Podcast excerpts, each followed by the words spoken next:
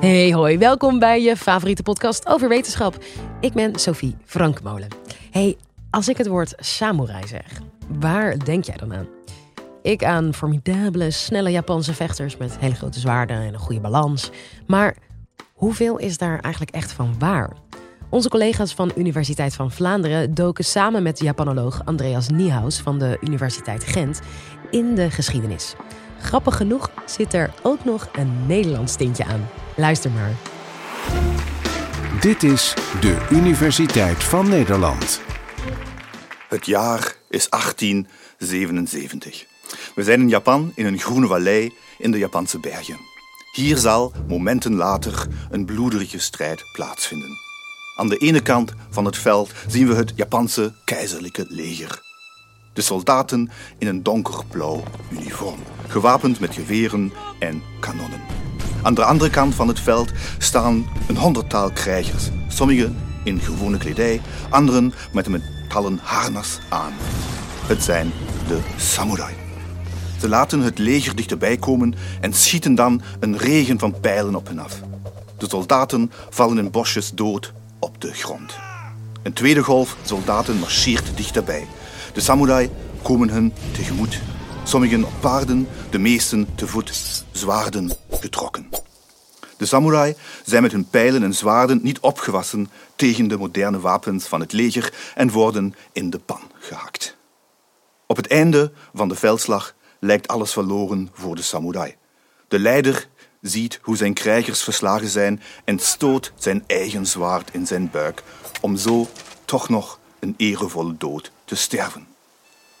Wat ik nu heb verteld is in feite het laatste gevecht in de Hollywoodfilm The Last Samurai van 2003, waarin onder meer Tom Cruise als samurai te zien was. Samurai worden hier dus voorgesteld als de ridders en de helden van Japan. Maar klopt dat beeld van de samurai dan wel? En waarom hebben wij in België, of beter in het Westen, het beeld dat we nu eens vandaag van de samurai hebben? Hiervoor moeten we kijken naar de historische bronnen. En daar bevindt zich het eerste probleem.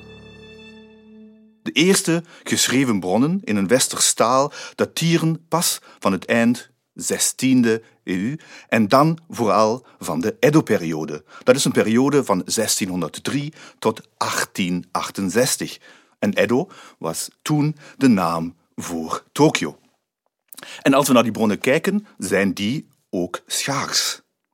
Maar hoe komt het dat er zo weinig bronnen waren? Wel, omdat Japan haar grenzen vanaf 1633 toenemend sloot voor westerse machten, uit angst om gekoloniseerd te worden.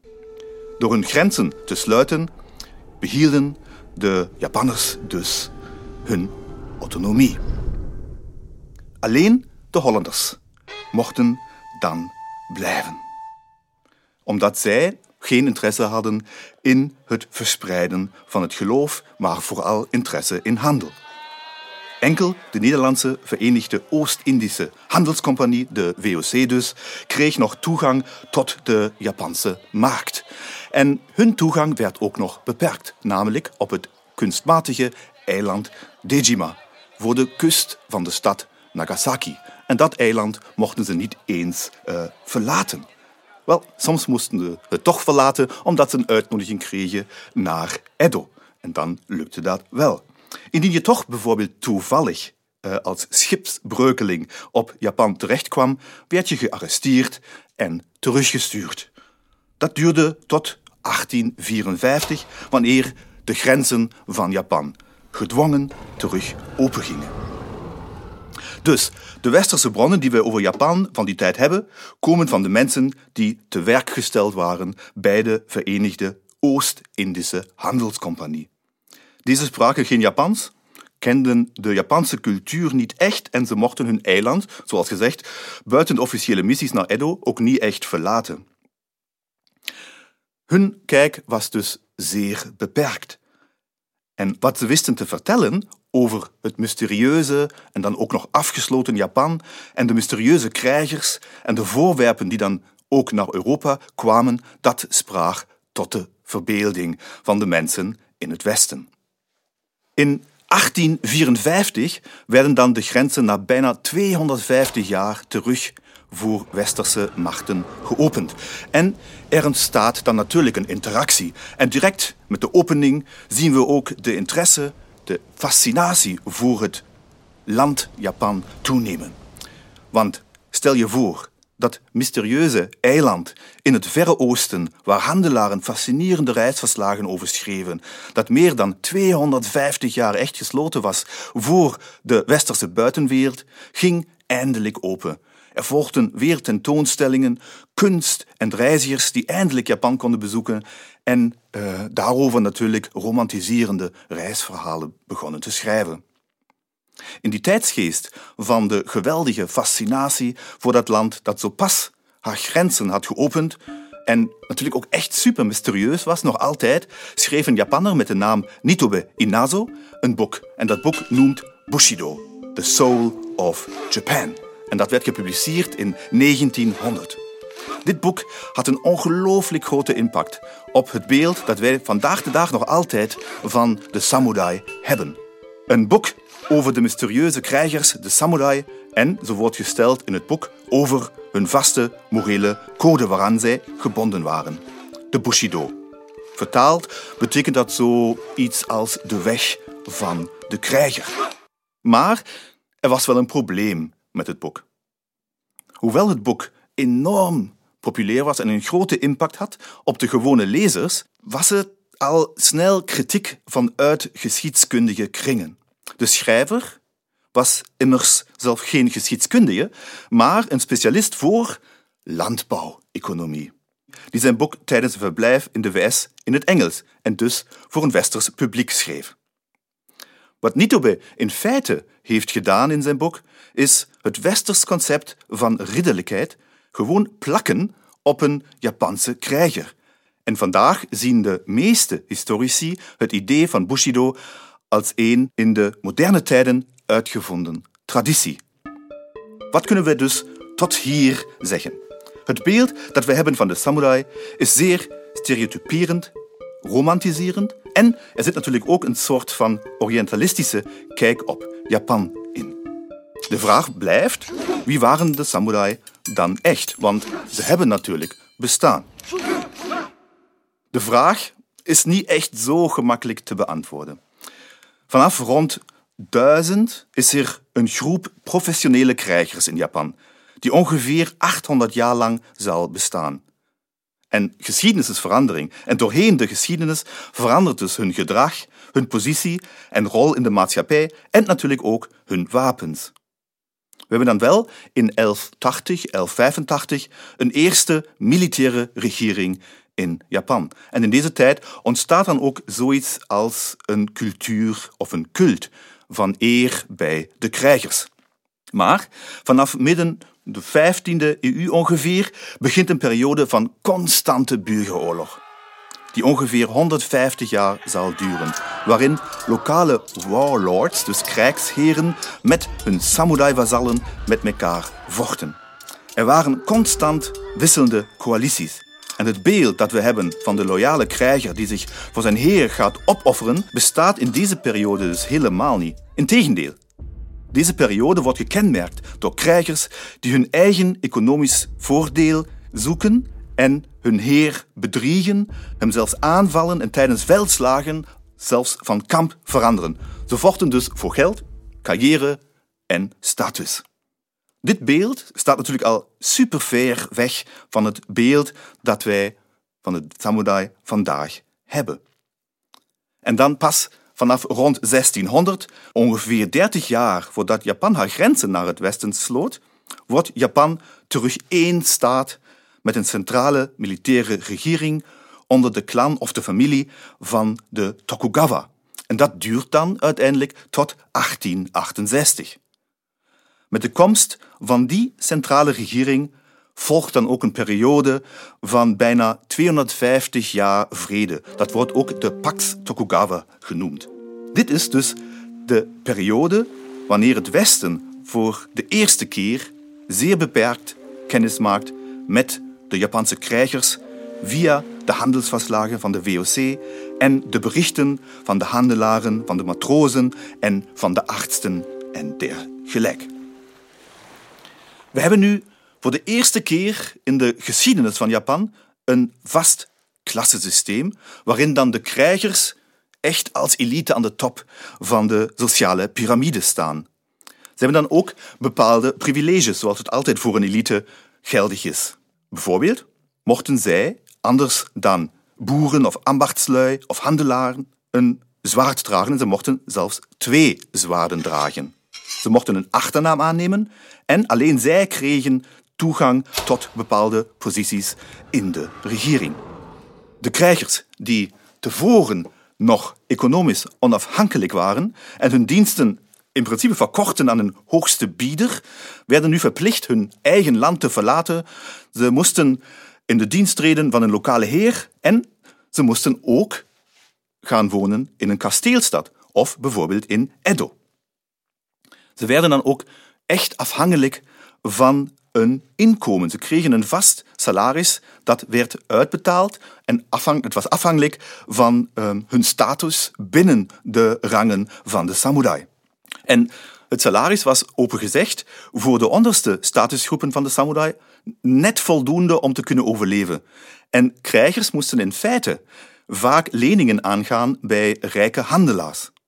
Dus langs de ene kant zien we de samurai als de elite van de maatschappij, en ze kennen een enorm aanzien, maar langs de andere kant zien we dat ze steeds armer worden en verpauperen.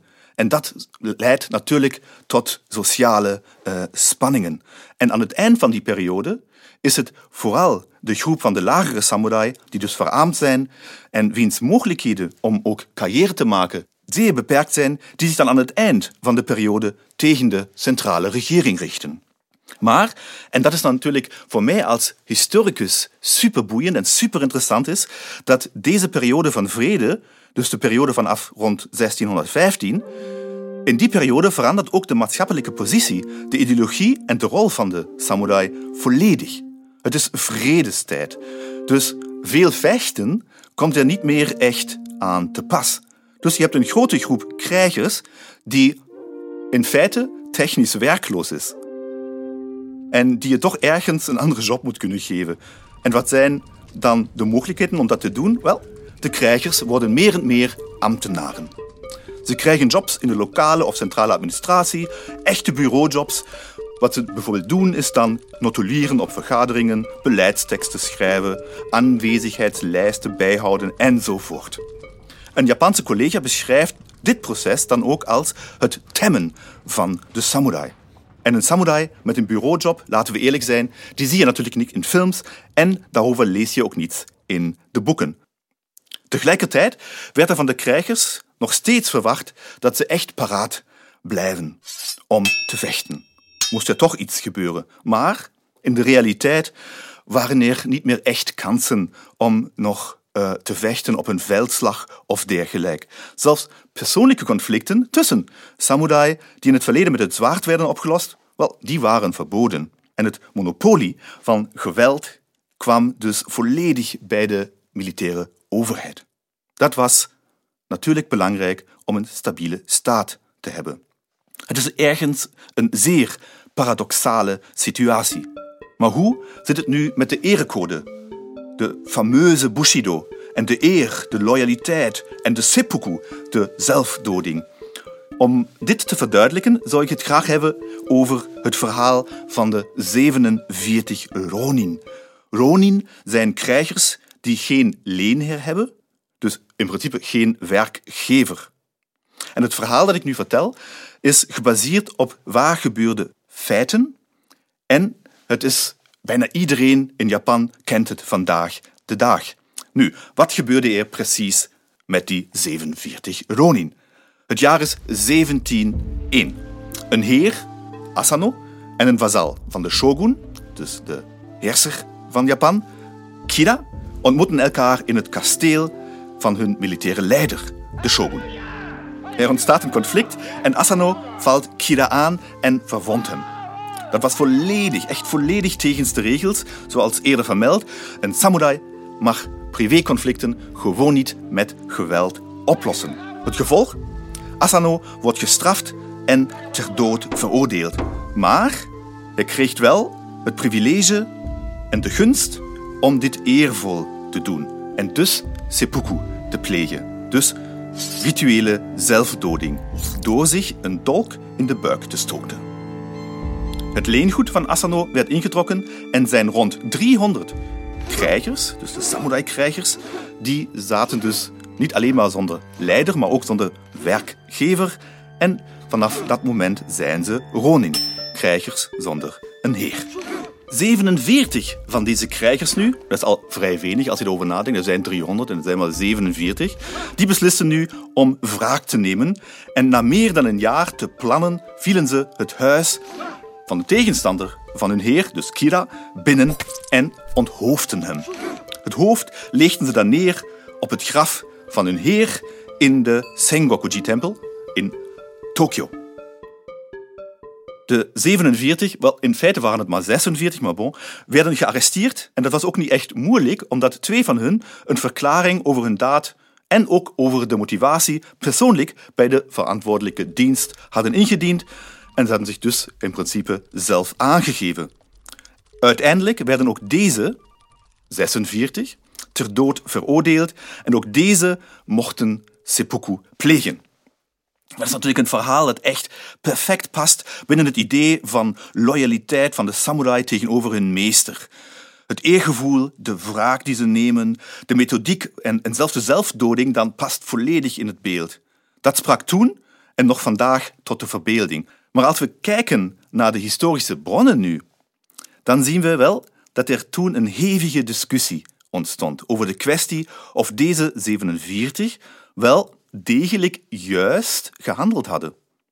Ten slotte was hun leenheer duidelijk in de fout geweest en hadden zij daarom geen recht om wraak te nemen. En verschillende intellectuelen argumenteerden ook dat loyaliteit tegenover de shogun, de militaire opperbevelhebber en de wetten van de centrale regering altijd prioriteit zijn. En dat de wraakactie in feite dus als een soort van privéactie moest worden gezien. En dus, wat ze deden, illoyaal was tegenover de heerser.